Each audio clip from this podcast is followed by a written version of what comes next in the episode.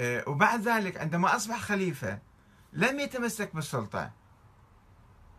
وعنده كلام يعني مأثور أنه أنه هذه دنياكم عندي أزهد من عفطة عنز أزهد من عفطة عنز شنو قيمتها هذه؟ هاي الدنيا مالكم الحكم والسلطة ما أشتري بشيء. ما إلى قيمة عندي إلا أن أقيم حقا أو أدفع باطلا. مو أنا من في سبيل أوصل للسلطة.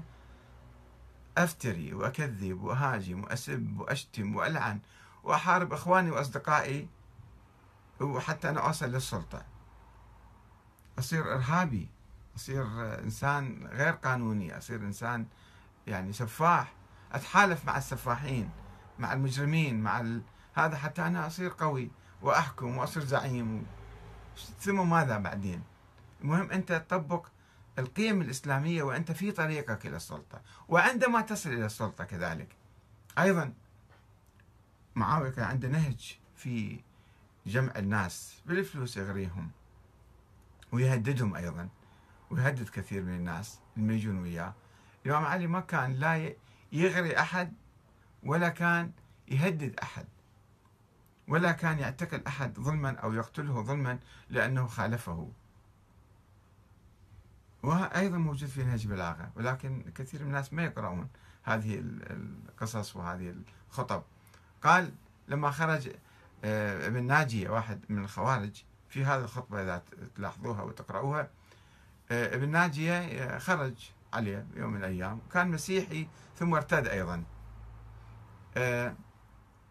والإمام تألم إلى قال هذا الرجل اجاني في يوم من الأيام وقال لي معارضة كاثرة ضدك.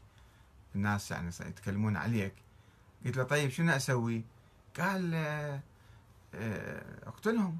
أقتل رؤوس المعارضة كلهم يخافون بعدين حكمك يستقر. وتسيطر وتبقى أنت مسيطر الإمام ضحك عليه قال له إذا أنا أقتل الناس إذا ليش صاير أمير المؤمنين؟ أمير المؤمنين لازم أنا أطبق العدل. مو أجي أقتل ناس أبرياء لأنهم عارضوني خلي يعارضوني شنو المشكلة في ذلك؟ بعد فترة اجا قال له زين تعطيهم فلوس ذولا شوية وزع عليهم فلوس تريهم. من فلوس؟ أو آخرين قالوا له نفس الشيء. هم يذكر الإمام علي في نهج البلاغة.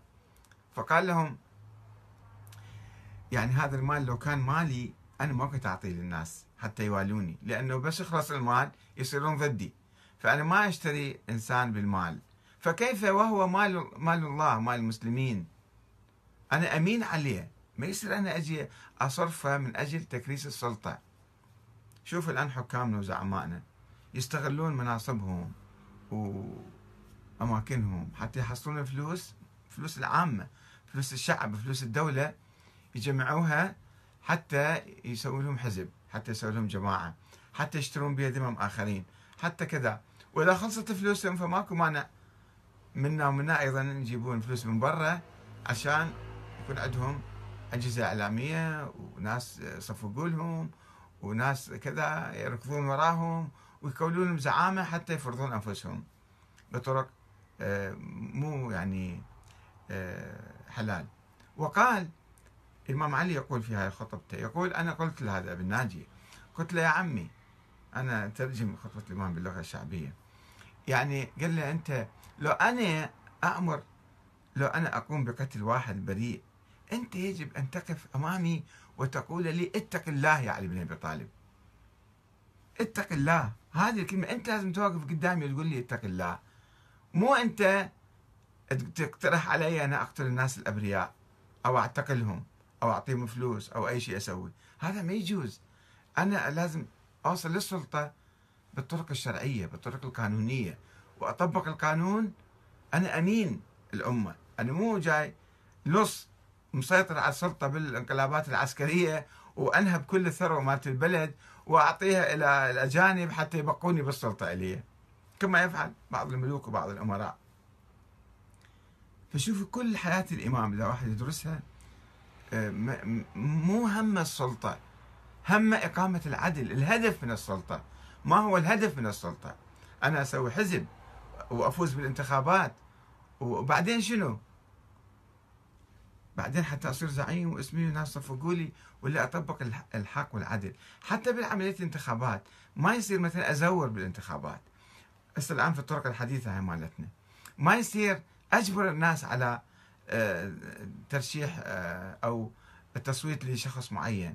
ما يصير آه، احطم الآخرين اسبهم وأشتمهم بحيث بالافتراء وبالكذب حتى أسقطهم حتى أنا أطلع. وأخيرا الإمام علي عليه السلام تعرفون هاي دائما أكرر هاي الخطبة مالته. أنه يطلب المعارضة هو يطلب المعارضة من الناس وهو أمير المؤمنين. والآن إحنا عندنا هذا إمام معصوم جدا ولكن هو في نفسه شوفوا هنا سر الإمام علي في هذه السياسة مالته. إني في نفسي لست بفوق أن أخطئ ولا آمن ذلك من فعلي إلا أن يكفي الله مني ما هو أملك به مني. فلا تكفوا عن مقالة بحق أو مشورة بعدل. الآن أكو ناس مثلا إذا انتقدوا في الزعيم وذول أقلام مأجورة ذول عملاء ذول خونة هذول مو عراقيين هذول ما اذا إذا ما سمعوا كلامه إذا صاروا صاروا ما أدري شنو هنود مو عراقيين ذولا. إذا ما انتخبوا مرشحي وراحوا انتخبوا واحد آخر خانوني وخانوا آه، العراق وخانوا آه، آل فلان وآل فلان. ما يصير الشكل. لازم إحنا نتمسك بسياسه الامام علي نطلب الناس نطلب من الناس أنه يجون آه، ينتقدونا يشيرون علينا بالعدل. يعني معناته أكو ظلم تعال أنت أعدل. وبعد شوفوا نفسيته شوفوا ثقافة الإمام علي. فإنما أنا وأنتم عبيد لرب لا رب سواه. بعض الناس ما يؤمنون بهاي المبادئ وهاي القيم لا هو سيد. هو سيد البلد.